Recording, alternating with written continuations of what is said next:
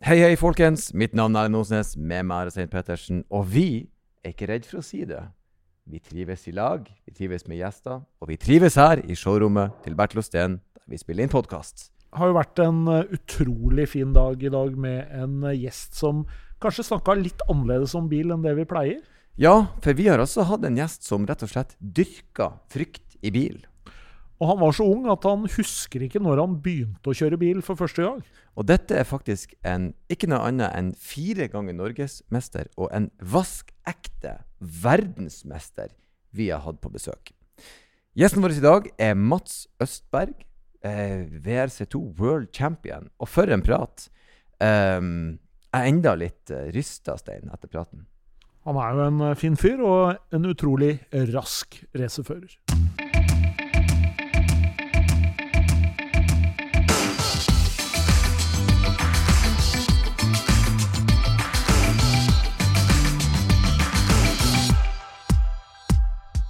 Ja, på plass igjen. Eh, min trofaste makker Stein ved min side. Og storfint besøk. Eh, ikke noe annet enn en verdensmester. Eh, og Det er andre gangen vi har en verdensmester på besøk. Jeg syns det er så stas å kan kunne si hjertelig velkommen Mats Østberg, til oss her i podkasten Bak rattet. Tusen takk. Går det bra med deg?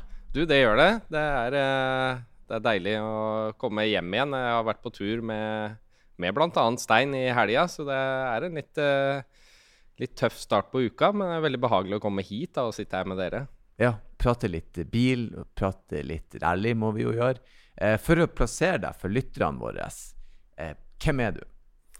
Ja, Det er jo et veldig avansert spørsmål, men i, i korte trekk så, så, er jeg en rallysjåfør da, som mm. har eh, holdt på med det i veldig mange år. Mm. Eh, starta som eh, en vanlig gutt som hadde lyst til å prøve å kjøre litt bil. og og klarte å, å, gjøre det litt bedre enn snittet. Og ved hjelp av det så, så kom jeg meg videre ut i den store verden og, og har eh, til slutt levd av kjørerally i veldig mange år nå. Mm.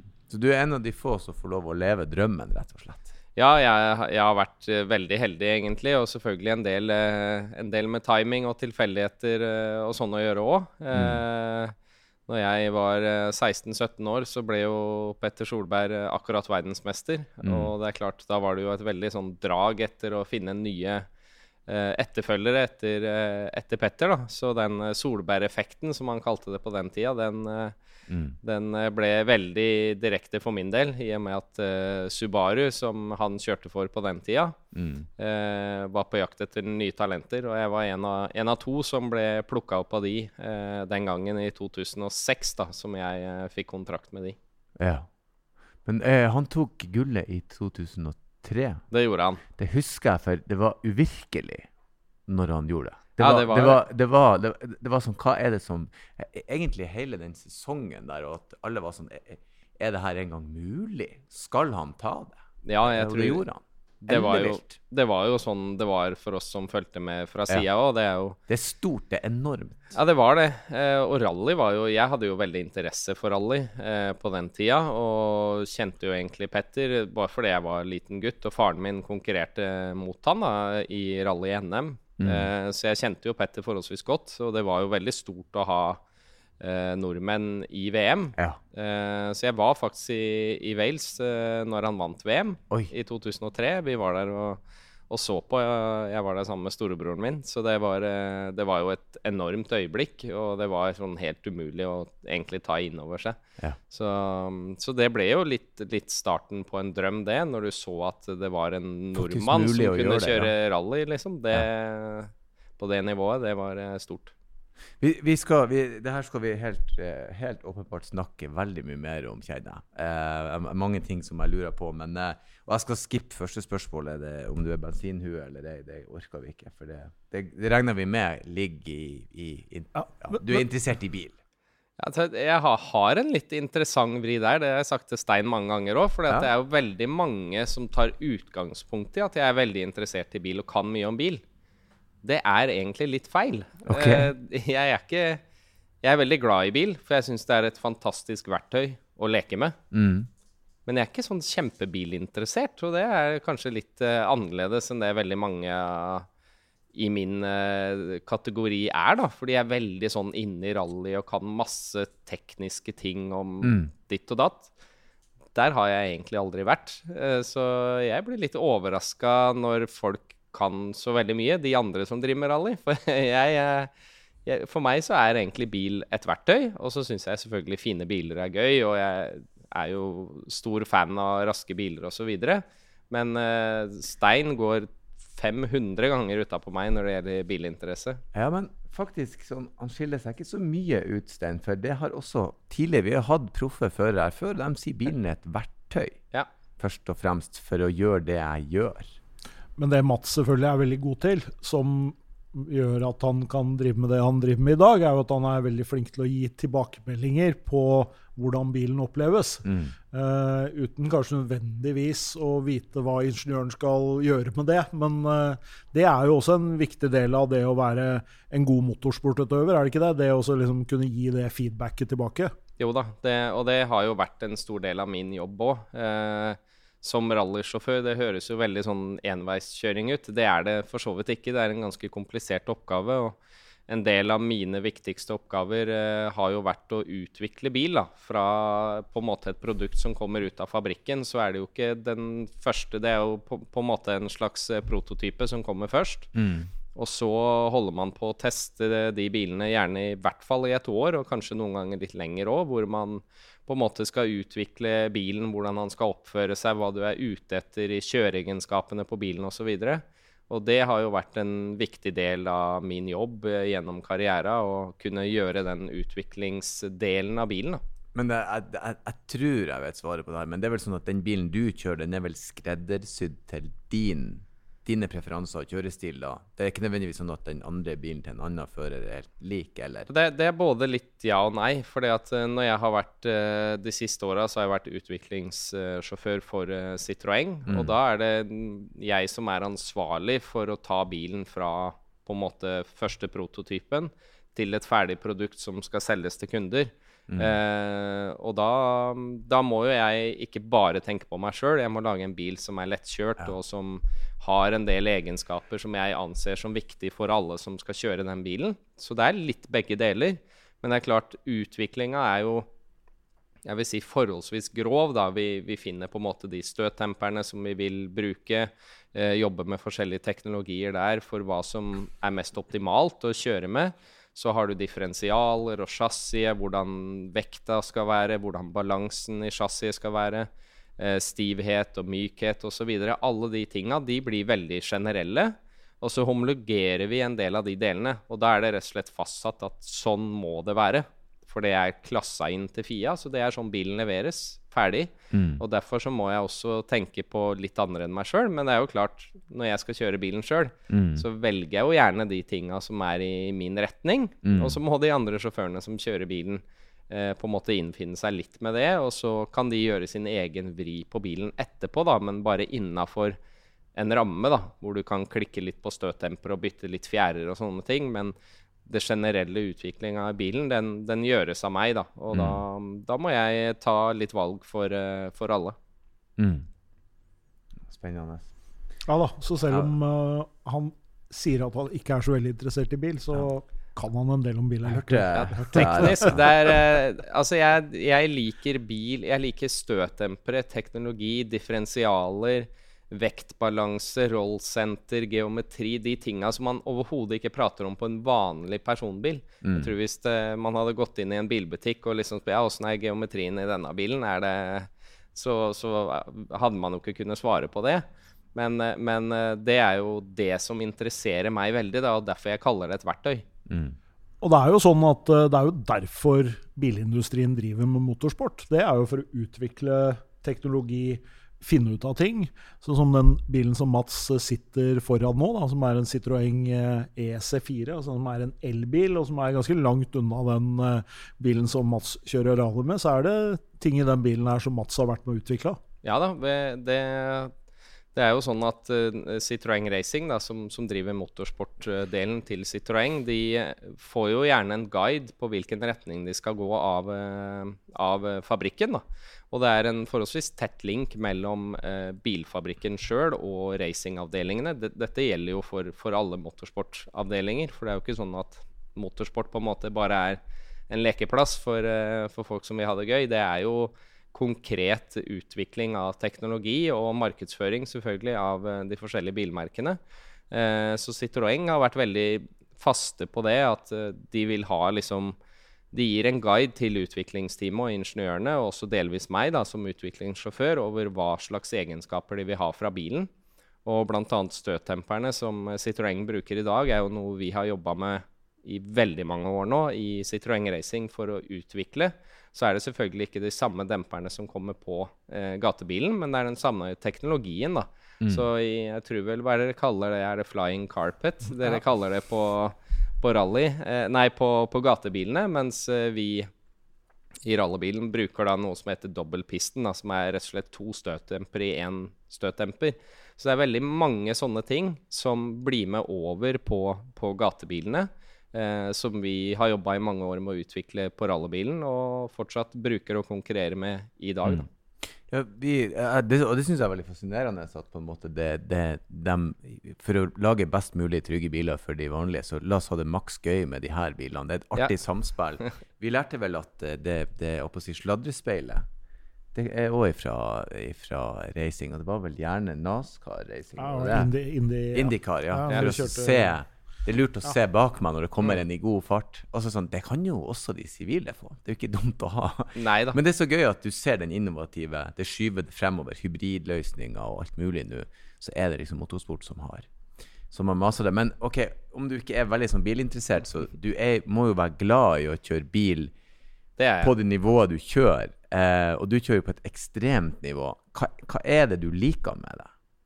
Altså, hvor spiller frykt inn? ja, altså Frykt er jo en stor del av det. Det, det må jeg jo si at det er.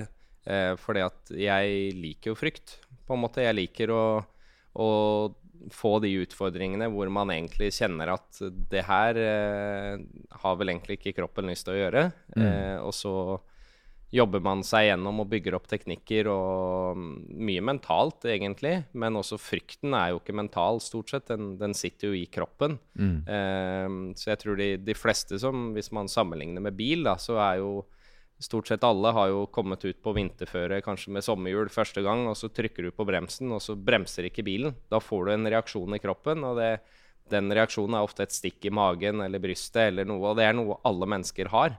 Eh, og det er også den følelsen som jeg syns er gøy å, å, kjenne på, da. Det er det som gir meg det kicket, og ofte så prater man liksom at man, man er på jakt etter adrenalin, og jeg tror det er akkurat akkurat, Det er akkurat det, den frykten, og det å klare å overvinne den frykten, som, som jeg syns er ekstremt gøy med å drive med konkurranse. Og det, det, slår jo til uansett nesten hva jeg konkurrerer det, i. Det lurer jeg på, liksom La meg prøve å liksom gjøre det relaterbart til den vanlige mannen i gata. Sånn, så jeg, jeg, kjører motorsykkel, ja. og jeg har funnet ut hvor like jeg opererer operere innafor. Mm. Eh, her føler jeg meg trygg. Jeg kjent på den. Å, helvete, den vil jeg ikke ha. Nei. Den styrer jeg unna. Ja. Eh, og noen de kjører fortere enn meg, noen kjører saktere enn meg. Det er greit. Hva gjør du når du, du kjører bil og du ser at det går ikke fort nok, og frykten er der? Hvordan på en måte går du til neste nivå? Hvordan overvinner du frykten og kontrollerer den? For det er jo som du sier, det er jo, det er kroppen din som bare reagerer. Hvordan jobber du med det mentale der? Det, må, det kan ikke være enkelt. Nei, men uh, altså det er jo For meg så er det en del av moroa. Jeg mm. veit jo det at når du skal spesielt konkurrere i VM, så er du ikke innafor kontrollsona di hele tida. Tvert imot så må du utafor den ja. hele tida. Ja. Så det handler jo om. Ja, ja, i hvert fall veldig veldig ofte. Og så strekker ja. du jo selvfølgelig den grensa, sånn at det å være ukomfortabelt blir etter hvert komfortabelt. Eh, og det er jo mye det det handler om. Og, eh, så det, det, er noe jeg jobber veldig mye med, og mm. har jo en mental coach som, som kanskje er hovedhjelperen uh, min i de her tinga, uh, hvor jeg på en måte egentlig før hvert løp uh, jobber veldig med å plukke ut hva er den største frykten, for det er ikke alltid det er det samme. Mm. Noen ganger så, så, er det skumle veier og, og, og stup, liksom, så du er, du er, redd for å dø, mm. mens andre ganger så er det bare at man det på en måte Du kan være redd for at det skal være glatt. Det, du prøver å plukke ut de tinga som på en måte gir deg den frykten. da. Og så eh, er man veldig godt forberedt på hva som gjør at du får frykten din, Mm. og da kan du jobbe med det. Det er jo sånn jeg eh, opererer før egentlig hvert eneste løp. Så klarer jeg å plukke ut hva er det som kommer til å gi meg den frykten den gangen her sånn. Mm. Og det kan være, Noen løp er jo veldig veldig raske, og det kan være ubehagelig å kjøre veldig fort over lang tid. Eh, men så blir du også vant til det. Så da kan jeg være klar over at den første dagen den blir veldig tøff. Jeg kommer til å ha veldig mye frykt. Rett og slett fordi det går veldig fort. Mm. Men så blir du vant til det på dag to og tre. Da kan det dukke opp andre ting. Så jeg må mentalt på en måte gå gjennom hver konkurranse og forberede meg på eh, hvor frykten kommer til å slå til. Og så må jeg forberede meg på hva jeg skal gjøre når frykten slår til. For det er jo veldig mange som trykker på bremsen eller gjør ting som vi overhodet ikke kan gjøre. Ja. Og, så jeg kan ikke kontrollere om frykten kommer. Det, det kan ingen gjøre. Det, det bare skjer. Men du kan alltid lære deg til å kontrollere hvordan du reagerer Wow. når du får frykt. Dette er totalt motsatt av hva jeg hadde trodd. For jeg trodde man jobba så opptatt av å være så god at man ikke ble redd. Men du er bare sånn Fuck it, jeg skal bare være redd og akseptere det. Det er det det handler om, eh, i hvert fall for meg, da. Men det er det for veldig mange andre. Jeg jobber også med en del andre utøvere. Ja. eh, og yngre utøvere. Og det er det samme stort sett som slår til på alle. Mm. Frykten får du ikke gjort noe med. Den er alltid der. Så den, den kommer til å slå til. Det er overlevningsinstinktet vårt, og det er så sterkt at det, du klarer ikke å bare marsje gjennom det. Det kommer.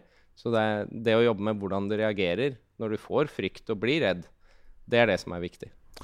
Og du opererer jo på en måte i et grenseland hvor du egentlig kjører litt for fort hele tida, egentlig. Ja. Og det gjør jo at selv, eh, selv de beste, da, som deg og som eh, Vi så jo nå bare i helga, liksom, at uh, førere som du tenker at uh, pleier ikke å kjøre av, Mm. kjører av så det suser, liksom. Fordi Ja. at uh, de tar det et hakk for langt, da. Ja, og det er jo ofte så justerer man seg jo litt etter hverandre, og du ser ofte når du får en sånn helg som var nå i helga med VM-rally i Belgia, hvor eh, 50% av hovedfeltet forsvinner ut. Det er rett og slett at de legger seg på en så høy grense Mm. at eh, de klarer ikke å håndtere det gjennom en hel helg.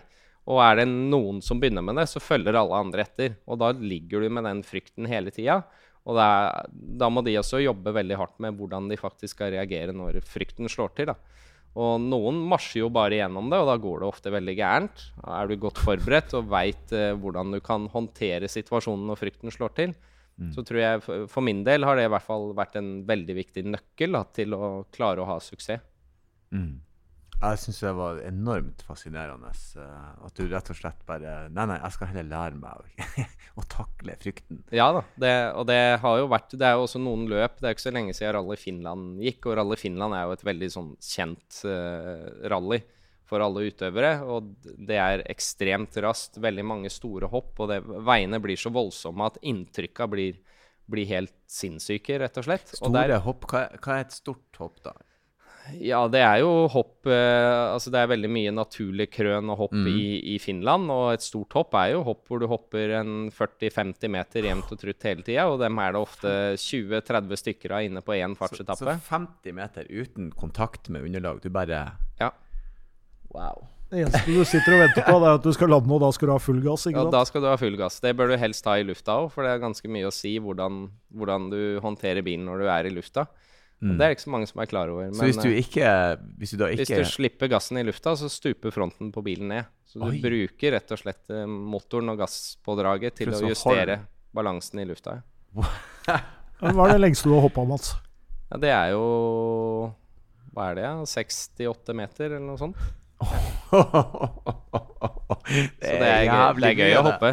Det er det. Men eh, det Du er litt over snittet glad i å hoppe. Ja, veldig Altså, det er så gøy å hoppe med bil. Det, jeg veit ikke hva det er. Jeg er ikke så glad i å hoppe på beina, men eh, akkurat med bil, det er en eh, heftig følelse. Men, men, men når du da har vært i Rally i Finland og hoppa 68 meter Det må jo være forferdelig å sette seg i privatbilen og kjøpe på butikken og kjøpe melk. da. Det må være det kjedeligste i verden. Det er jo veldig greit å ha bil da, for å komme seg rundt. Det er men, eh, men jeg er eh, Altså, jeg er glad i å kjøre bil. Jeg kjører en del bil privat også, men jeg, jeg Hva skal jeg si? Jeg kjører ikke fort i trafikken, for det gir meg ingenting. Mm. Annet enn frykt for å miste jobben min. Så Mm. jeg kjører pent og rolig rundt øh, på gata. Det er så, det er så godt. Men det, det har alle de andre også proffsjåførene også sagt. At, men det gir meg nada. Altså, det er Ja. ikke spennende, for det blir ikke, Det ikke det ikke rått nok. Det er ikke noe. Nei. Så jeg kan like gjerne bare kjøre fint. Ja, da skulle jeg kjørt så ekstremt at det hadde jo selvfølgelig vært farlig, ikke bare for meg sjøl, men for Gjennom alle andre Gjørvika, forbi her, Ja. 68 meter over.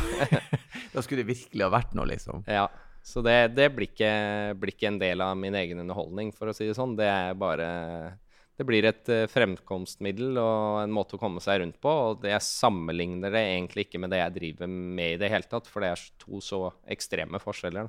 Mm. Vi pleier jo ofte å spørre om eh, når du tok lappen, altså hvor lenge etter du fylte 18 år. Men for deg så tror jeg nesten vi må spørre når begynte du å kjøre bil? Ja, bedre spørsmål. Ja, jeg, jeg begynte å kjøre bil ganske tidlig. Ehm, jeg husker det ikke sjøl, men faren min har jo fortalt meg når jeg begynte å kjøre bil. da. Så det var jo før jeg liksom på en måte husker godt, i hvert fall. Veldig bra. Jeg husker det ikke sjøl. Nei, jeg gjør egentlig ikke det. Eh, Cirka gammel Cirka sju år. Da jeg lærte meg å, det her med kløtsj og gass og, eh, og sånne ting. Og så bodde jeg jo litt på landet, så vi kjørte jo litt i orebil. Og jeg husker jeg rulla, eller taka, første gang da jeg var tolv. Mm. Ehm, og så ble jeg jo kartleser for faren min, som også har drevet med rally. Og da ble jeg jo veldig interessert i å begynne å kjøre sjøl etter hvert. Mm. Eh, så når jeg var 14 år, så fikk jeg prøve hans rallybil, som var en VRC Subaru på den tida. Så det var jo også ganske heftig. Og så begynte jeg å kjøre rally på egen hånd da jeg var 16. da. Mm. De, de Subaruene der var ekstremt populære. Han var det. Og det rulla mye av de oppe i Bodø der, med svære, feite potter. Og det var jo veldig mye pga. Solberg eh, i den perioden der. Ja, absolutt. Eh, Subaru var jo veldig stort. Så hadde du også før Solberg hadde du Colin McRae, da, som liksom var en sånn verdensstjerne, egentlig. Med PlayStation-spill, og det, det var kanskje det som liksom tok av på den Subaru-fronten. Men det er klart, i Norge med, med Petter Solberg, Ja. så, så tripla jo det seg ganske raskt. Jeg mener, husk på den tida så var det tre biler. Det var Subaruen, og så var det Evo 8, Ja, og så var det eh, Nissan sin eh, ja Nei, Nissan ja. hadde vel også noen sånne, men det var vel litt før det. Det var liksom Subaru og Mitsubishi som, eh, Ja. som rula den eh, Evo 8 var også eh, ekstremt populær. Liksom. Folk ville ha som gatebil og kjøre rundt i. Det var veldig pop. Men det, men det er jo reklameeffekten, og ikke bare får du liksom Du utvikler sikkerhetsutstyr og teknologi, men du får liksom den effekten av den bilen der vil jeg gjerne også kjøre rundt i. Gjerne den blå med den gule stylingen. Ja. Og så var det jo biler med ekstreme ytelser uten at det var ekstreme priser. Det var jo kostbare Mm. biler, men det var liksom Det var ikke sånn eh, det er, Vi snakker ikke sånn supersportsbil-greier, liksom. Du kunne kanskje få en, eh, en sånn VRX SD for eh, 550 000-600 000, liksom. Og da Mm. hadde du egentlig noe som kunne kjøres ganske fort med. ja. Mm. Så det var jo en eh, periode der hvor den type eh, overføring mellom rally og, og vei var veldig sånn direkte. Da. Det hadde man jo lenge bakover selvfølgelig i tida, og med eskorter og med alt det man liksom har kjørt med Audi Quattro og hele den delen der. Så rally har jo vært en veldig sånn sentral del av bilindustrien sin eh, måte med å lage en veldig tett link mellom motorsport og biler de solgte. Fordi sammenligna med Formel 1 eller med til og med med, med, ja, med, med andre racingklasser, så er jo bilene mye likere hverandre, i hvert fall utseendemessig. da. Mm. Så det har nok vært uh, viktig. Der er det jo noen utfordringer. Men det kan vi snakke litt med Mats om litt seinere, når Ja. det kommer med dette med elektrisitet og, og motorsport, ikke minst. Eh, du var syv år når du begynte å kjøre bil. Vi sklir veldig ut her. Ja, fort Mye som var spennende. Uh, men uh, på å si hva, hva var din Du tok lappen når du ble 18? Ja, liksom? på Ja. dagen. Jeg hadde allerede meldt meg på et rally i Tyskland eh, helga etter jeg ble 18. Så Mm. presset var jo for så vidt der. Det var ganske mye dekning rundt det at jeg skulle debutere i rally også. Ja. Eh, og det gikk jeg jo selvfølgelig ut med før jeg hadde tatt lappen. Ja, det er sjelden Ja. en god idé. Så, så presset var jo definitivt uh, til stede, men det er jo sånn type press som jeg alltid har likt. da. Mm. At det ligger litt uh, Det er litt konsekvenser hvis det ikke går som det skal. Men Du han, huska å kløtsje, liksom. Du Jeg gira huska ikke å kløtsje og huska det meste jeg kunne egentlig i den forbindelse. Så Det var eh, Jeg hadde oppkjøring to dager før jeg skulle debutere, og det gikk eh, heldigvis bra. Men Hvordan oppfører en, en sensor og en kjørelærer seg når du liksom sitter For de må jo ha visst da om at han kan kjøre bil, eller bare Nei, det du kan jeg ikke huske. Jeg tror ikke det. At eh, Det var jo ikke et tidspunkt hvor jeg var Du nevnte eh, ikke kjent. at By the way, jeg har kjørt siden jeg var syv Nei, det år tror jeg, jeg, jeg tror ikke jeg turte å nevne noen ting. Det er bare å komme inn med Det var lurt. lua under armen og late som ingenting. Ja, det er nok det beste. Ja. Litt overraska over at det ikke var dogshift-kasse i Ja, ja. kjøreskolebilen. Liksom. Og sto på første. Jeg sto på første, og overraskende nok så fikk jeg faktisk en anmerkning fordi at de syntes jeg kjørte for pent på landeveikjøring. At Oi. jeg liksom kunne kjøre litt fortere i svingene. Mm. Og det var jo selvfølgelig en eh, overkompensasjon fra min, eh, fra min side. At jeg på en måte ikke ville gi inntrykk av at jeg var glad i å kjøre fort. da. Mm. Smart. Men du kommer jo fra et motorsportmiljø, men var det noe sånn si, rånemiljø, bilmiljø, der du kom ifra? Nei, det var det egentlig ikke. Eh, det var jo interesse rundt motorsport, og veldig mange rallysjåfører fra eh, Østfold, da, som jeg er fra. Eh, og for så vidt fra Våler òg, som er på en måte min bygd. Våler i Østfold, eller Våler i Viken, som det heter nå. Foreløpig. Ja. Enn så lenge. Da er det snart Våler i Østfold Bruk litt igjen. penger på å bytte Ja, tilbake ja, igjen. ja. Så, så det var jo veldig stor motorinteresse i bygda. Mm. Eh, og det er det fortsatt. Eh, jeg bor jo i et eh, boligfelt nå hvor eh, bl.a. Eh, Fredrik Aasbø bor, og Mm. Eivind Brynildsen. Og det er også en verdensmester i gokart som bor på samme boligfeltet. Nå husker jeg ikke på stående fot hva han heter, men det er veldig stor motorinteresse i, i området. Og det er nok, er nok fra gammelt av litt det at det på en måte var jorder og skogsbilveier, og det var litt sånn enkelt å på en måte eh, finne seg en gammel bil og få kjørt litt, da. Sånn jo, jordebil. Jordebil, det var, eh, det var stort før. Mm. Det er Veit ikke om det eksisterer lenger. Jeg føler liksom ikke landbruk og biler eh, funker så godt nå som det de gjorde da, men Nei, så kommer deg litt ut på landet, Ja. så jeg har, eh, jeg har sett videoopptak av ja. barn jeg kjenner som Ja. kjører bil på jord. Og vi har hørt ja, en gjest som enda har jordebiler. Mio, han eh, kjøper Ja. gamle Volvo. Nei, da, det, det, det er bra, det, da. At, at det, så det er nok den gjengen, kall det, som vi var, hvor vi drev og kjørte jordebiler. Vi har stort sett blitt rallersjåfører alle sammen. Mm. Eh, så vi, vi leker på en måte i, under litt andre forhold nå. Vi, vi skal ta en eh, å si eh, eh, Der bruker vi å stille folk alltid spørsmål om det, men som, på en skala fra én til ti eh, Hvor god er du til å kjøre bil, og hvorfor plasserer du deg der du gjør? Det er da én til ti som er skalaen. Ja, Det er jo vanskelig. altså Det kommer jo helt an på hvor jeg kjører bil. Eh, så, men jeg må ta utgangspunkt i, siden dere stiller alle det spørsmålet, at det er på, på veien. Ja, det er trafikkert vei. trafikkert vei. Så jeg anser meg selv som forholdsvis flink. Eh, men altså, jeg har jo mine greier når jeg kjører bil, jeg òg. Blant annet når du har kjørt rally veldig lenge, så legger du jo til deg en del sånn i kjøremønsteret ditt med at du kanskje bremser litt seint inn i svinger, og det er liksom en del sånne ting. Ja. Så jeg hadde nok Det kommer jo helt an på hva man dømmer det ut fra. Jeg mener jo da at kjøreteknisk så kjører jeg veldig, veldig bra. Men jeg vet ikke om liksom alle anser det å komme fort inn i noen situasjoner som veldig bra. Eh, så jeg må nok, hvis jeg skal være kritisk til meg selv, gi litt trekk at jeg har lagt på meg litt sånne rallyvaner som selv om jeg ikke kjører fort i trafikken, så kjører jeg kanskje ikke helt akkurat sånn som man skal. Eh, så jeg opplever jo at f.eks. noen biler i noen rundkjøring syns at det er litt slitsomt at jeg bruker den lille åpninga som er der, Mm, eh, som man da kanskje ikke skal gjøre. Hvor jeg tenker at hvis alle hadde gjort sånn, så hadde trafikken flytet veldig bra. Ja. så, så jeg må nok gi meg litt trekk eh, på sånne ting. Men eh, jeg setter ingen i fare, og er heller ikke en skummel eh, trafikant. Og følger de fleste trafikkregler. Så, men noe trekk blir det. Men jeg vil kanskje anse meg sjøl som en åtter. Åtte. Ett hakk over, Ja. ett hakk over Sylvi Listhaug. Et Ja. hode syv. Hva hadde Siv, ja. ja. Jeg føler jeg har liksom så mye overskudd til å kjøre bil. da Jeg bruker ikke Ja, ja. noe energi på å kjøre selve bilen. Men så er det jo de der momenta momentene hvor jeg har lagt til meg ting som jeg ser sjøl at andre reagerer på innimellom. Hvor jeg derfor gir meg trekk. Gulbrandsen la seg vel på en syver, mener jeg. Samme som Sylvi. Men det Altså, gøye er at vi jeg, jeg har er to såpass komikere troa altså. på meg selv, da. Men, bra, da. men vi har to komikere som ga seg sjøl tid, da. Ja.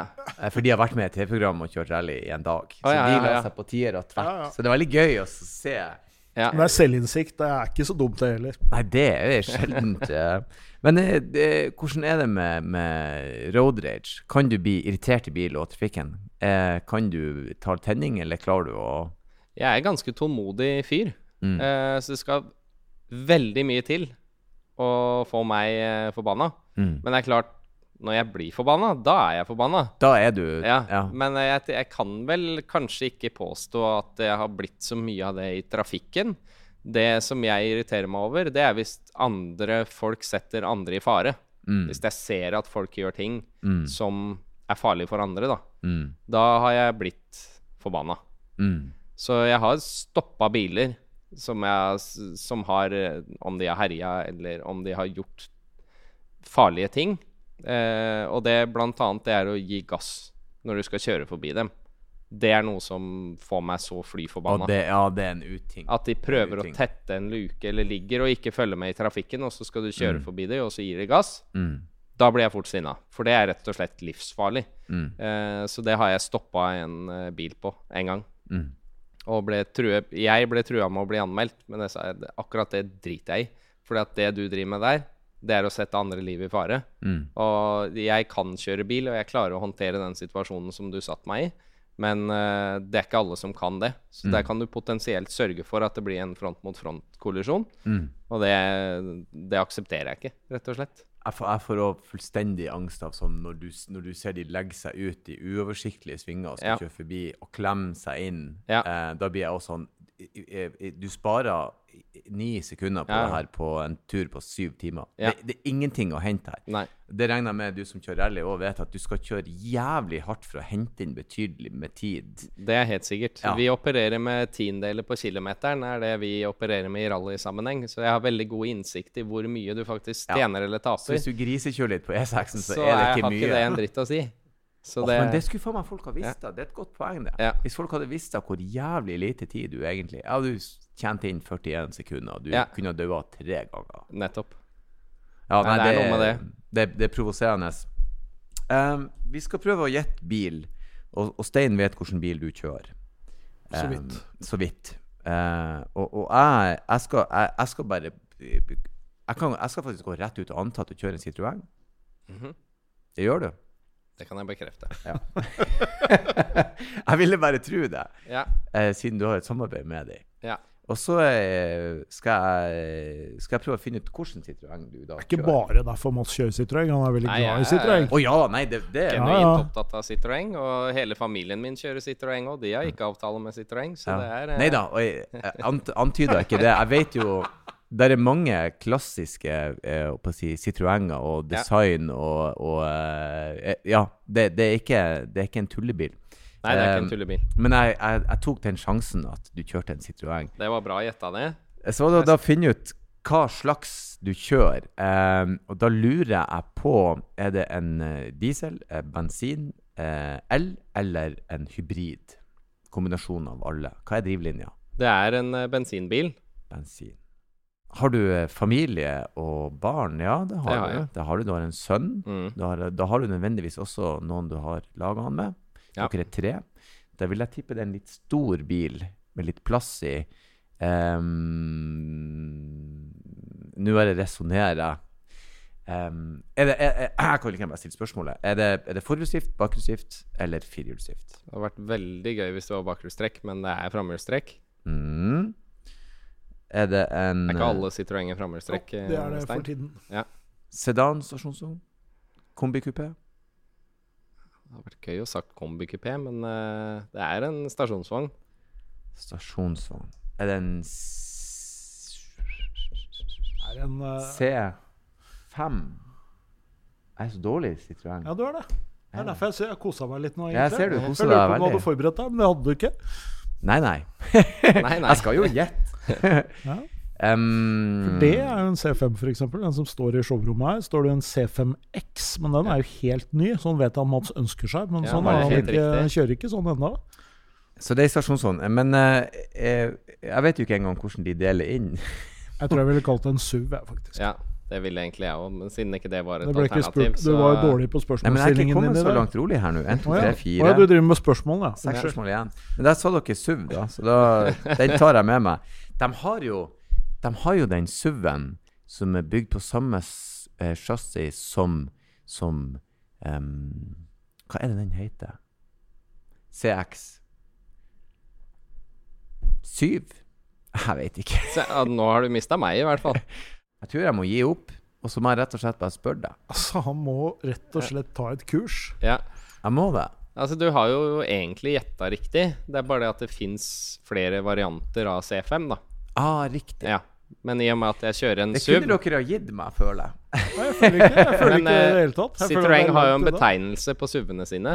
Mm. Vet du hva det er? Nei. Det henger jo kanskje ikke helt på greipstein, Jo. egentlig. Gjør det det? Jo, det syns jeg. Aircross? Aircross, men det har jeg jo hørt. Ja, du har det? C5 Aircross. Ja, det kjører jeg. Komfortabel, Den er helt romslig. Men kommer ikke den i hybrid òg? Jo, den gjør det. Jo, for jeg har sittet i en sånn og ble veldig imponert over interiøret Ja. i den. Det var rett og slett tøft. Det var ikke bare liksom comfy, men det var gjort litt ut av det. Ja, ja. så veldig kult ut. I veldig Citroën-stil så ja, de klarer de liksom La oss prøve De er å ikke gjøre glad i rette fett. linjer, for å si det sånn. Mm. Ikke på Det er noen veldig måte. Men Jeg er føler at. Erlend prøver å rette seg, redde Ja. seg inn Nei, igjen her nå. men Men, det vet jeg jeg. syns det går bra. Jeg liker det. Det vet jeg. Jeg vet interiøret. Jeg har ikke kunnet plukke han ut på avstand, men eh, da har jeg lært noe i dag. Uh, jeg, jeg lurer litt. Du er ute i, i, i, i Finland og skal kjøre rally. Hvordan, hvordan er en sånn vanlig dag, da? Hvordan, hvordan, hvordan er det å være rundt i verden, rett og slett å være rallysjåfør? Ja, det Hvordan er ser dagene ut? altså, dagene er jo stort sett like når, eh, når vi kjører VM-rally, for det er jo satt opp på en gitt måte, på en måte hvordan eh, løpa skal bygges opp. Eh, så en, eh, en VM-uke er rett og slett en hel uke. Eh, hvor eh, vi stort sett reiser ned på søndag, eh, helga før, da. Eh, så har vi ofte en testdag med rallybilen på mandag. Hvor vi er i området som rally i går. Vi har jo ikke lov til å teste eller trene på veiene som skal brukes i konkurransen, så vi, er, vi holder oss til området da, for å få på en måte litt uh, kunnskap med hvordan grepet er, hva slags uh, type veier. Eh, så vi er i forbereder oss så godt som mulig, og det er der vi på en måte fintuner bilen inn til det løpet. da. Så Vi prata litt om det i stad, med den generelle utviklinga av bilen, på en måte hvordan den skal oppføre seg. Men fintuninga blir jo gjort på sted, eh, stort sett alltid, Mm. i de landa vi konkurrerer. Eh, så det bruker vi stort sett eh, mandagen på. Eh, tirsdag og onsdag er eh, gjennomkjøring. Da kjører vi gjennom eh, etappene som skal gå i løpet, men med en vanlig bil. Ikke Mm. rallybil, så vi får kjøre gjennom. Det er den veien egentlig åpen for trafikk, Mm. så vi må kjøre pent. Og det blir vi også eh, overvåka, så vi har GPS-er eh, fra arrangøren i bilen Oh, ja. eller fra det internasjonale forbundet, som eh, sjekker at vi ikke kjører over eh, Det er vel stort sett eh, 80 km som er fartsgrensa på gjennomkjøring, noen ganger 70. Eh, hvor vi da lager notene eh, som vi bruker eh, under konkurransen. Så Mm. da er, det jo, da er det jo sånn at kartleseren skriver jo ned disse notene, men det er jo faktisk sjåføren som lager notene. Det er mange Ja. som tror at kartleseren på en måte lager notene, men det, det er det sjåføren som gjør. Så da kjører vi først en gang igjennom etappa, hvor eh, jeg som sjåfør egentlig sitter og forteller kartleseren hva jeg ser. Mm. Så jeg sitter bare og ser framover og, og snakker konstant. Eh, og beskriver veien ned til hver minste meter eh, med, med et notesystem som vi har utvikla, som inneholder vanvittig mange beskrivelser av en sving. Mm. Kan du gi et eksempel? Ja, altså vi har jo Vi forteller jo alle avstandene mellom sving, så der eh, sier vi jo bare 40 eller 50, 60, 70, 120. Altså så langt som det det er. Mens uh, svingene har vi en gradering da fra mm, i grove trekk 1 til 6, da, hvor 1 er den krappeste svingen og 6 er den raskeste. I tillegg til det så har vi noen andre beskrivelser på svinger som uh, flatte svinger.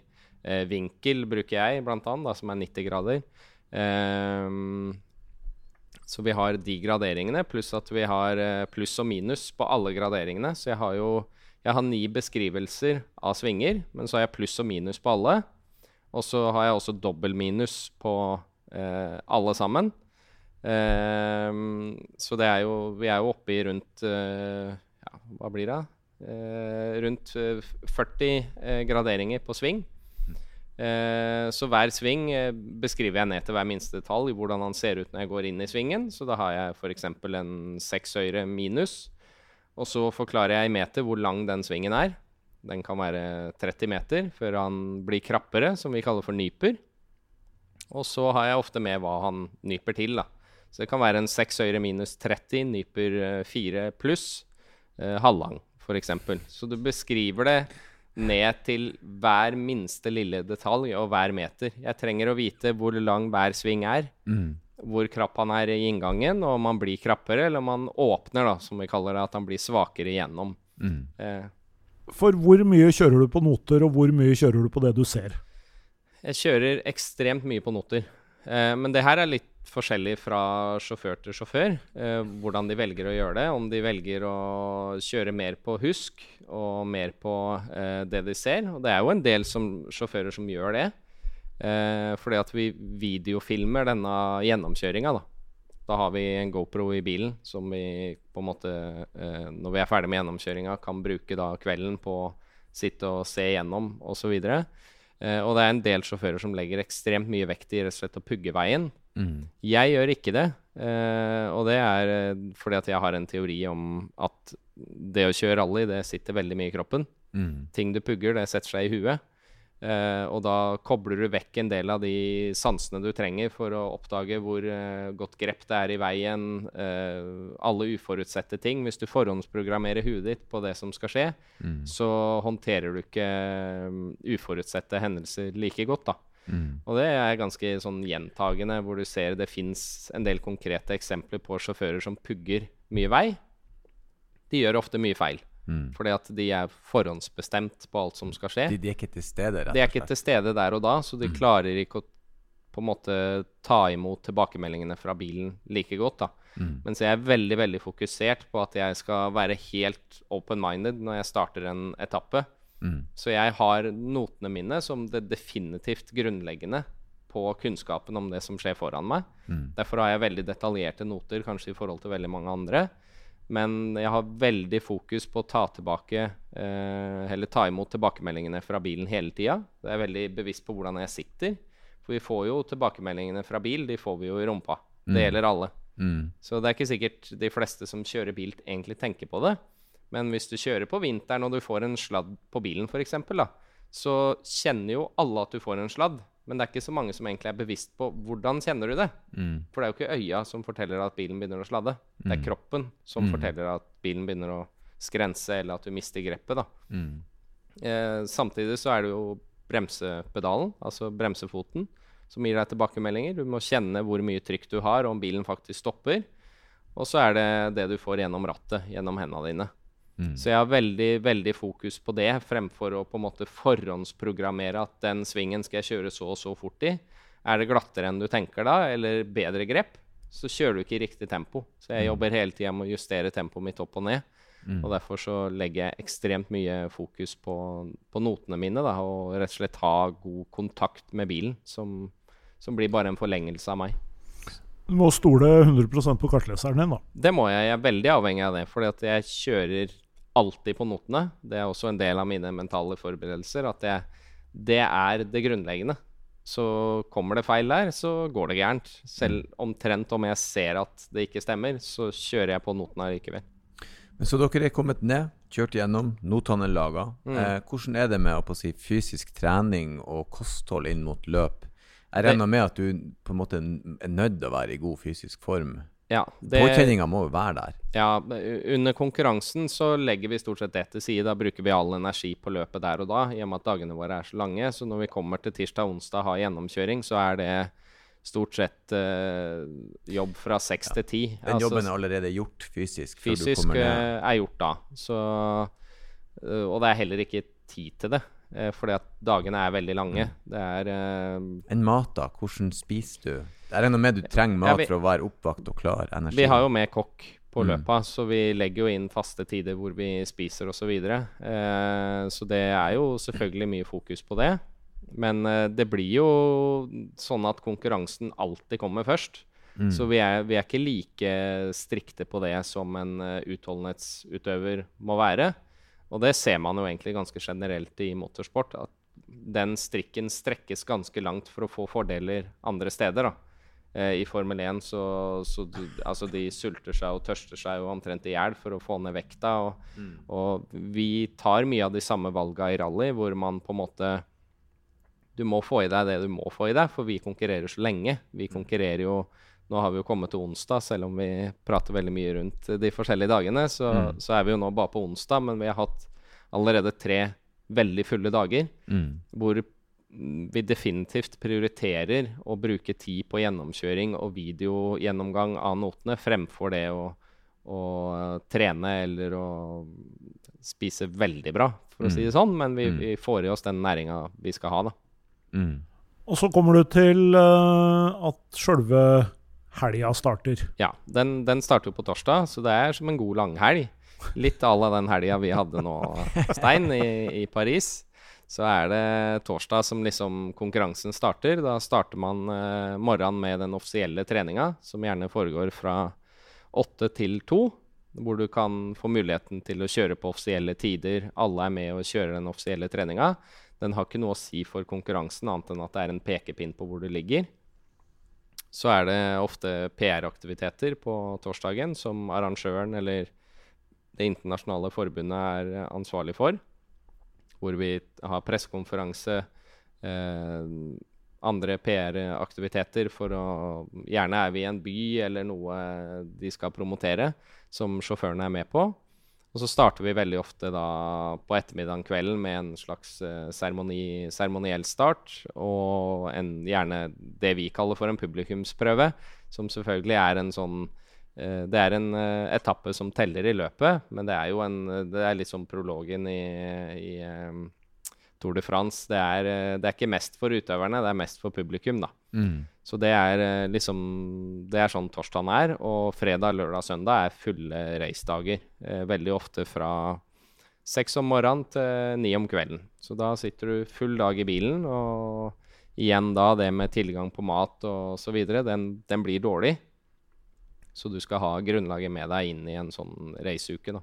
Mm. For det begynner tidlig. For jeg har, jeg har riktignok bare kjørt et par rally, altså jeg har vært på en del rally, og du, det er altså så grisetidlig bestandig. Ja da, det er jo det. Og det, jeg har fortsatt til gode å forstå hvorfor vi absolutt alltid må stå opp så Nemlig. tidlig. For jeg hater å stå opp tidlig. Ja.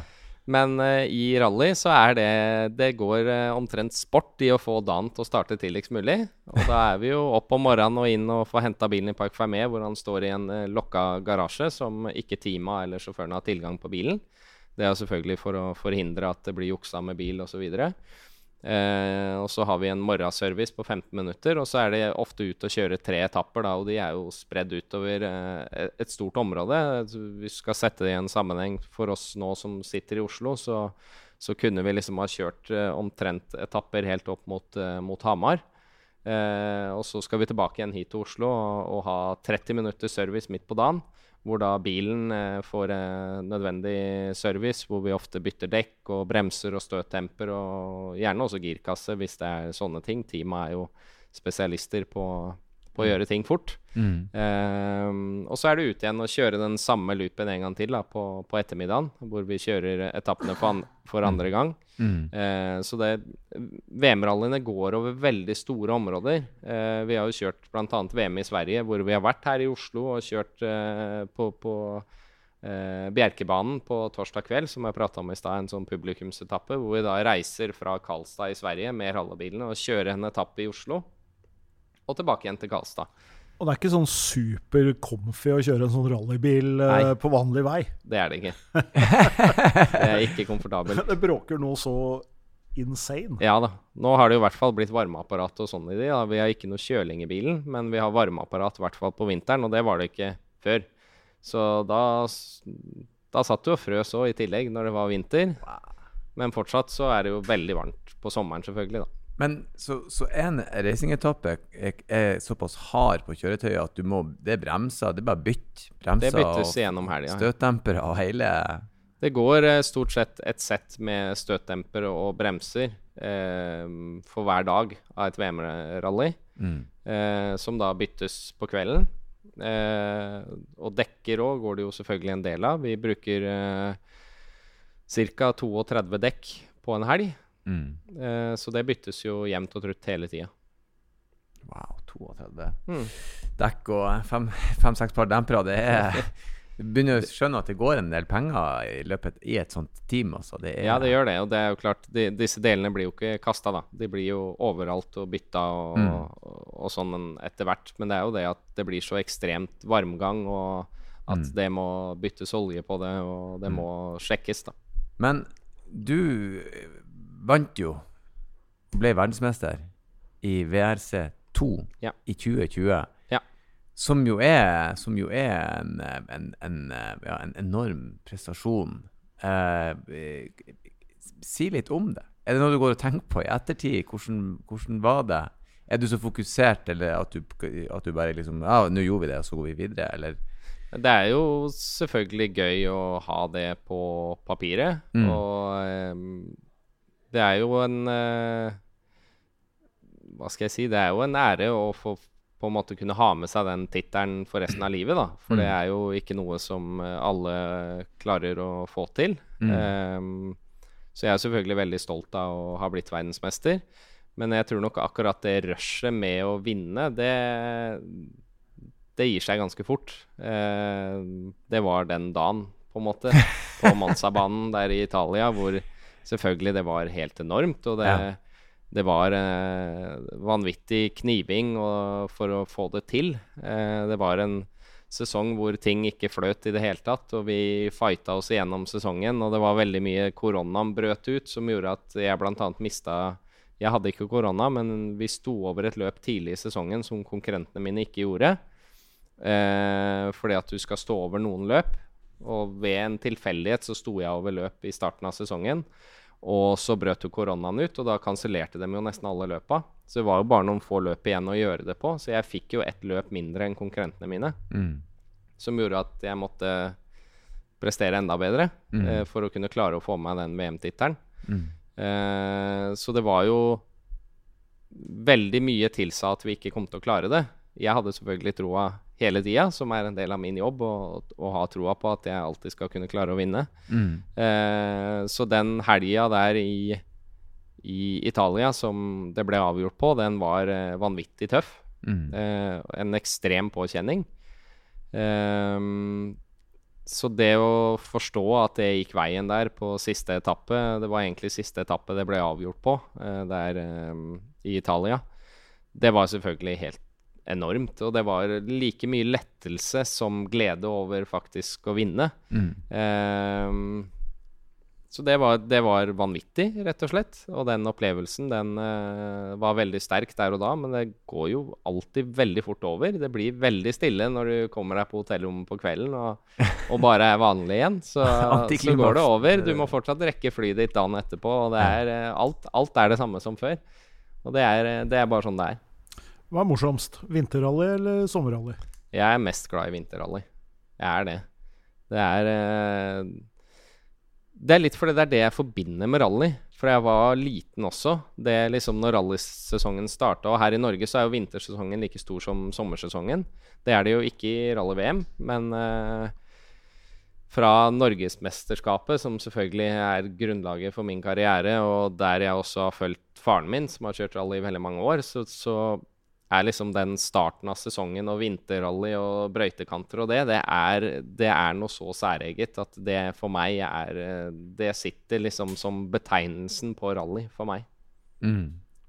Har du noen gang vært i noen å si, alvorlige altså, du har, Jeg regner med du har krasja, det gjør alle Ja. i løpet av en sånn karriere, men har du noen gang vært i noe som satt en støkk i deg, en alvorlig ulykke, eller Ja, jeg har hvor, jo hatt hvor trygg føler man seg i den? Jeg Mm. føler meg veldig trygg, det må jeg først og fremst si, da. Spesielt Spesielt med tanke på at mora mi kanskje kan høre det her, så for hun maser om det hele tida.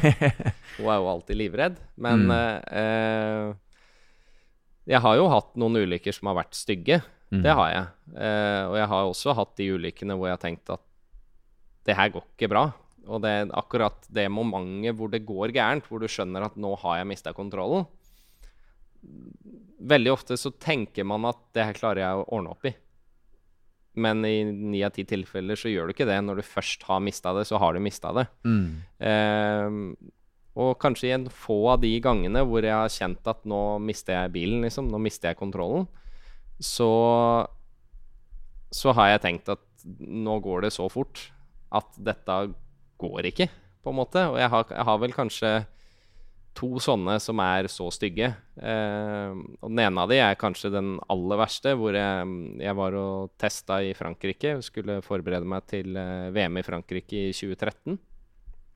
Hvor vi eh, testa på en veldig, veldig rask vei eh, i Alpene i Frankrike. Og det var egentlig litt sånn som jeg sa i stad, at det var noen stup ned på ytteren der som jeg hadde litt uh, frykt for. Mm. Men uh, jeg la jo veldig sjelden den jeg, for, jeg forbereder meg alltid på at den frykten skal jeg leve med. Så må jeg bare håndtere de situasjonene riktig. Men uh, der misbedømte jeg en situasjon, rett og slett. Og vi drev og testa forskjellige ting på bilen. Eh, og det går ganske fort nedover. Jeg skal inn i en dobbel høyresving hvor jeg skal egentlig holde fullt igjennom den første og akkurat bremse, altså holde full gass. Bremse litt imellom de to og inn i den høyresving nummer to. Eh, jeg hadde ca. 175-180 km når jeg går inn i den første høyresvingen. Mm. Og idet jeg trykker på bremsen, så mister jeg bakenden på bilen. Så jeg får en sladd, rett og slett. Og når du gjør det på asfalt, så er det Da er du ferdig. Mm. Og der var det rett og slett jævlig langt ned. Eh, men det var veldig mye sånne store eiketrær som sto der, heldigvis. Så jeg gikk eh, sidelengst av veien i 170 km, da. Og jeg så jo at vi forsvant bare rett ut i løse lufta. Det var såpass bratt ned på ytteren der. Og så jo disse svære træra. Og jeg treffer jo en av de rett i sida, så jeg sitter og ser rett ut av sidevinduet og får da et av disse gigantiske eiketrærne rett inn i B-stolpen. Mm. Og bilen knakk jo. Eh, men eh, når jeg så ut av det vinduet, og alt dette gikk jo i veldig veldig slow motion når du er i sånne Sånn er det for meg hver gang det går gærent, egentlig. At alt bare tempo skrur seg ned tusen ganger. Du Mm. får med deg hver minste detalj av det som skjer. Adrenalinet pumper så sykt at alt som går i egentlig høy fart, føles ut som gangfart. Mm. Og jeg rakk å tenke ganske mye når jeg så det treet kom mot meg. Mm. Og hadde, det, hadde jeg treffet det treet 40 cm lenger fram på bilen, så hadde jeg jo ikke klart meg. Mm. Uh, men det, det- går jo stort sett alltid bra. Det er det som liksom er greia. Så vi traff da det treet sånn 7-8 meter opp i lufta. Og det ble bare bråstopp. Heldigvis så knakk eh, bakre del av bilen, så bilen vrei seg framover andre veien. Så det ikke ble på en måte ble ikke en banan rundt treet. Han, Mm. han delte seg, da. og Ja, sånn, ja. Ja. ja. så vi Framre del av bilen gikk tre meter til til neste tre, hvor jeg traff det da i A-stolpen. Eh, og der datt vi rett ned på bakken, så det ble jo et fritt fall på en sju-åtte meter, da. Så det var ganske sykt. Jeg besvimte. Eh, kartleseren min var våken. Eh, og jeg husker jeg kom til meg sjøl ganske fort. Men jeg hadde mista synet på det ene øyet og hadde jo veldig, veldig vondt. Så det var, eh, det var en stor ulykke hvor jeg på en måte både før det smalt og etterpå eh, var veldig, veldig klar over at nå Det her var ikke Det var ikke min skyld at dette gikk bra. Det var flaks, rett og slett. ja. Eh, Vi kom oss ut av bilen og skjønte egentlig ingenting. Vi var langt fra veien. Altså sånn skikkelig langt fra veien. Og vi skjønte ikke hva vi hadde treffet, for det var ikke noe merke på trærne. Men vi skjønte jo etter hvert at når vi begynte å se opp, Ja, riktig. og det var oppe. langt oppe òg, Ja. så hadde vi jo treffet trærne nesten opp i toppen eh, fordi at det var såpass bratt der. Mm. Men vi var jo egentlig veldig heldige at de trærne var der. Hvis ikke så ja, tør jeg ikke tenke på hvor langt vi hadde flydd, da. ja. Så det er nok den verste ulykka jeg har hatt. Og den bilen var jo bare kastet. Mm. Det var ikke noe igjen. Så det var en, eh, en heftig opplevelse. Jeg kan ikke tenke meg til noe annet. Uh, wow. Og det som er rart, er at hvis du sitter på med Mats eller med andre da, som er så gode til å kjøre bil på det, så det er jo mange som er redde sikkert når de sitter på deg, med deg, men samtidig sånn Det føles Det er så rolig, det som skjer inni bilen, Ja. at når jeg sitter på, så er det bare kult. Det er som å kjøre Det er mye kulere enn å kjøre berg-og-dal-bane, liksom. Ja. Fordi at det, det er så Alt er rolig, det er alle bevegelser. Det er jo ikke noe det er jo ikke noe sånn, det er jo ikke noe, det er ikke noe sånn febrilske greier, liksom. Alt går bare sånn veldig sånn som en sånn Det er som en dans, da. Det er Ja. rytme, liksom. Bilen lander, du gir gass, du kommer ut igjen. Så det er uh, ganske fantastisk, egentlig. Jeg tror vi må få rigga at jeg får være med deg en gang. Ja, men det, det det ordner vi alltid. Det kan bli bare se bra på sidemannen din, så er han, han sitter med mye makt når det gjelder passasjerer hos meg. Nei, det høres jo, det høres jo helt enormt ut. Eh, bare sånn et såpass alvorlig ulykke eh, Som du sier, du gjør deg jo noen tanker. Det, det var ikke min feil at det her gikk bra. Eh, da er det bare å ringe mentaltrener og si nå har vi noe vi må Altså, Ja. Hva gjør man i etterkant? Det må jo være en slags form for reparasjonsarbeid, både fysisk og Ja, dette var jo rett i forkant av et VM-løp. Mm. Eh, så det var jo Det ble jo noen tøffe døgn, for å si det sånn. Eh, og jeg fikk så sykt kjeft av sjefen min nå, som eh, fortsatt er Ford-sjef i dag. Eh, som for så vidt ikke definitivt ikke kan karakteriseres som noen mental trener, for å si det sånn. Han, eh, han eh, bruker kjeft og frykt eh, fremfor noe annet. Så det var ikke en lett eh, dal å komme seg opp av. mm. Men jeg ha, har jo alltid hatt, og har fortsatt i dag, et eget team rundt meg som jeg kan jobbe med. Mm. eh, og som for meg har vært helt avgjørende for å klare meg egentlig ute i verden og Europa. Fordi jeg er såpass annerledes enn det vi nordmenn er. At de er jo mer De spiller jo mer på, på å slå deg til du presterer, fremfor å bygge deg opp, da. Eh, så jeg fikk jo veldig god hjelp der. Samtidig så var teamet også veldig klare på at uh, jeg måtte i bil fort, og Ja. allerede før den neste konkurransen. Og det gjorde jeg. Mm. Så jeg kom meg i Måtte teste da med løpsbilen min, som ikke er vanlig. Det, vi tester jo alltid med egne testbiler. Eh, men fikk, eh, fikk en halv dag i bilen da før eh, konkurransen og klarte å bruke helga etter eh, på å bygge meg opp igjen. Da, og fikk egentlig en, eh, en bra opplevelse av det, det løpet. Så det handler jo veldig mye om å, igjen å skille ut hva som har gått gærent. Og selvfølgelig eh, klare å Ofte så blir man jo redd når man har hatt sånne ulykker. Du er redd for at det skal skje igjen. Men du kan veldig ofte dra det ned til en veldig liten ting du egentlig er redd for. da. Mm. Og det var, jo en, det var jo like situasjoner som jeg var redd for. Jeg var jo ikke redd for alle andre svinger. Mm. Men hvis jeg fant like type svinger, eller da områder med stup f.eks., så ville den frykten slå tilbake. Og det var det jeg jobba veldig mye med, å klare å, å skille ut de stedene. Så istedenfor at jeg var redd for å kjøre hele løpet, så var det kanskje bare noen få kilometer på hele løpshelga som jeg tenkte at her kan jeg skru ned tempoet litt, rett og slett. Og bare gi meg den slacken. Mm. Og det fikk jeg jo hjelp til av de jeg hadde rundt meg, da, til å klare å tenke rasjonelt og, og rett og slett plukke ut situasjonene som jeg egentlig hadde frykt for, sånn at ikke frykten var der hele tida. Og da det, kommer man seg veldig raskt på beina igjen, selv om man har vært gjennom noe såpass alvorlig. da. Mm.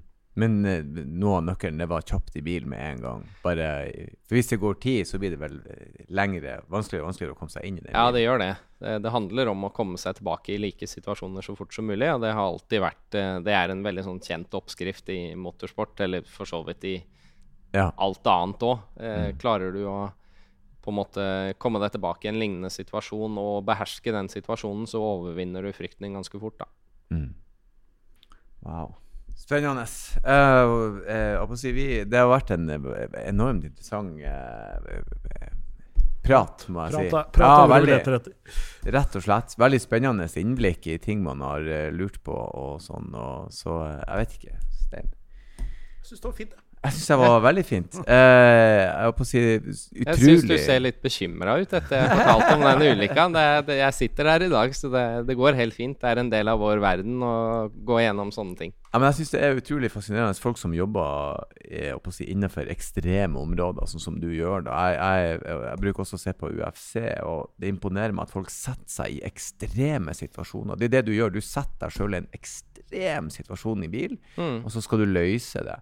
Eh, i, i min verden, så tenker jeg gjerne to-tre ganger gjennom uh, hvordan skal jeg ikke havne i den situasjonen. Så jeg gjør ting jeg lever, men jeg er veldig sånn her, jeg har ganske gode marginer. Så jeg syns det er enormt fascinerende å høre de som på en måte vandrer på andre sida. Ja. Det er jo, for meg så handler det om veien dit, ikke nødvendigvis akkurat så mye der og da. Mm. Men det å Alt som ligger bak, å komme til det øyeblikket hvor du gjennomfører det, er eh, Altså, det er 95% av det å kjøre rally for meg. Mm. Det handler om veien dit hele tida. Det er den jeg syns er interessant, da. Mm. Det er der du har muligheten til å gjøre forskjellen nå. Mm. Ikke akkurat når du utfører det, men hvordan du kommer deg dit. Mm. Og Det er jo litt derfor det på en måte er interessant å vite hvordan toppidrettsutøvere tenker. da, fordi det er jo overførbart til enten om du driver eh, Nesten uansett hva du gjør, Absolutt så handler det jo om de samme tinga. Ja, ja. Enten om det bare er i privatlivet ditt, eller om det er på jobb, eller hva det er. Det er det, helt klart. Altså det, de samme veiene som jeg bruker å gå eh, når jeg skal konkurrere, de brukes av alle i alle sammenhenger. Om du selger bil, eller om du jobber med, som snekker. Altså det, det, kan, det kan brukes i alle sammenhenger. Og det sy- syns jo jeg alltid er gøy å tenke på, så jeg bruker jo den mentaliteten i stort sett alt jeg gjør. Mm. Uh, det er ikke alt jeg gidder eh, det på, selvfølgelig. Hvis jeg bare skal i butikken og handle, så hender det jeg gjør det på den vanlige kjipe måten uten handlelapp òg, men, eh, men uh, det er jo overførbart til, uh, til alt, da. Mm. Jeg syns det var kjempestas. Så hyggelig. Verdensmester nummer to har besøkt hos Stein. Det syns jeg er veldig hyggelig. Eh, tusen hjertelig takk for at du kom innom oss. Tusen takk for at jeg fikk komme. skal jeg avslutte som jeg alltid gjør, med å si kjør forsiktig. Det skal jeg også gjøre, vet du. Det er feil mann å si det. passende enn noen gang, egentlig.